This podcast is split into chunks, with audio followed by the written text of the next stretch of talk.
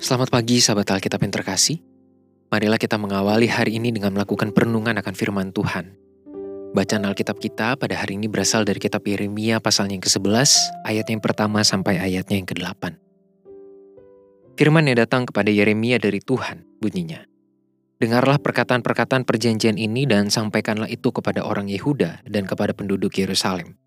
Katakanlah kepada mereka, beginilah firman Tuhan Allah Israel – Terkutuklah orang yang tidak mendengarkan perkataan-perkataan perjanjian ini, yang telah kuperintahkan kepada nenek moyangmu pada waktu mereka kubawa keluar dari Mesir, dari dapur peleburan besi, dengan berfirman, Dengarkanlah suaraku dan lakukanlah segala apa yang kuperintahkan kepadamu.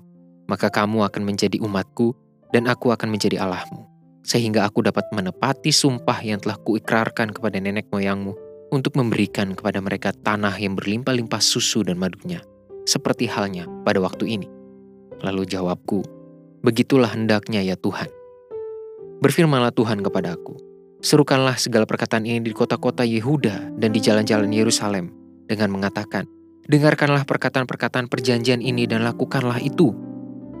Sebab aku sungguh-sungguh memperingatkan nenek moyangmu, pada waktu aku menuntun mereka keluar dari tanah Mesir sampai kepada waktu ini, aku memperingatkan mereka terus-menerus, dengarkanlah suaraku tetapi mereka tidak mau mendengarkan ataupun memperhatikannya, melainkan mereka masing-masing mengikuti kedegilan hatinya yang jahat. Maka aku telah mendatangkan ke atas mereka segala perkataan perjanjian ini yang telah kuperintahkan dipegang, tetapi mereka tidak memegangnya. Marilah kita mulai renungan hari ini dengan memberikan kritik kepada sebuah cara pandang yang tidak bertanggung jawab dalam hidup beriman pada Tuhan, yakni anggapan bahwa kasih Tuhan dapat dimanipulasi. Mungkin ada di antara kita yang bertanya, memangnya ada umat yang merasa seperti itu?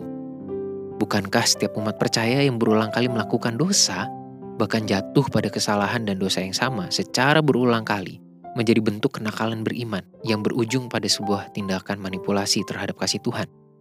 Kita memang telah mengalami bukti betapa kasih Tuhan itu tidak bersyarat, tidak berujung, dan tidak akan pernah berakhir. Namun itu bukan berarti kasih Tuhan dapat dipermainkan. Kasih Tuhan yang terus mengalir tanpa henti mesti direspons dalam ketegasan dan komitmen iman yang teguh. Inilah yang sedang kita lihat dalam seruan kenabian Yeremia kepada masyarakat di kerajaan Yehuda. Tuhan sudah memperingatkan mereka berulang kali agar menghidupi pedoman firman Tuhan serta memegang sumpah dengan setia hidup bersamanya. Namun, kedegilan hati yang terlalu besar telah berujung kepada sikap manipulasi terhadap kasih Tuhan.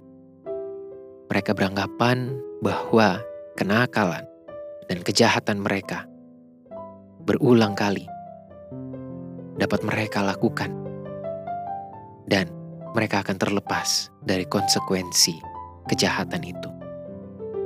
Sahabat Alkitab, kita perlu waspada terhadap kenakalan beriman yang telah berulang kali kita lakukan, entah sadar ataupun belum. Kasih Tuhan memang tiada syarat dan tak pernah berujung. Namun bukan berarti kita dapat mempermainkan kasih Tuhan itu. Apabila kita merasakan teguran dari Roh Kudus yang berbicara pada diri kita secara personal terhadap sikap maupun kondisi hidup yang sedang kita bangun, maka segeralah respons ia dengan komitmen untuk berubah serta menuruti firman-Nya. Jangan sampai kita terlalu asyik menikmati teguran dan rasa berdosa tanpa disertai adanya keputusan untuk menuruti firman-Nya.